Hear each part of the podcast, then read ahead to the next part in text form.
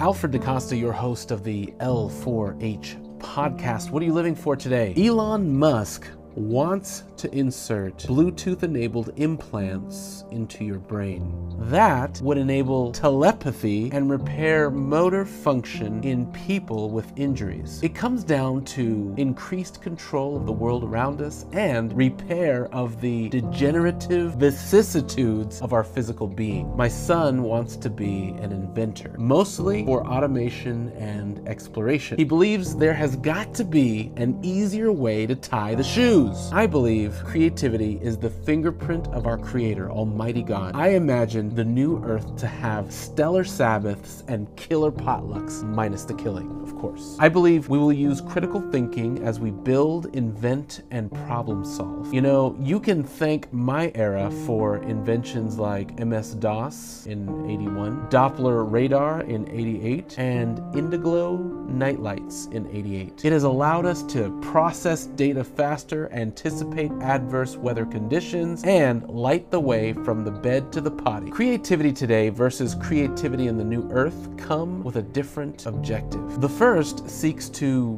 reverse, maintain, or forego the effects of sin with no lasting effect. This is all the kingdom of this world can afford. The kingdom of God, however, aims to salvage the soul. We will shed these broken bodies. The corruptible will put on the incorruptible, and we will be changed in the twinkling of an eye. The cool thing at the present is that we can be and now are extensions of the kingdom functioning as sons and daughters of God. Behold what manner of love the Father has given unto us. So, what do these ambassadors aspire to do with their time remaining on earth? The answer seek first the kingdom of God and his righteousness and tell someone you know. Alfred DaCosta, your host of the L4H podcast, over and out.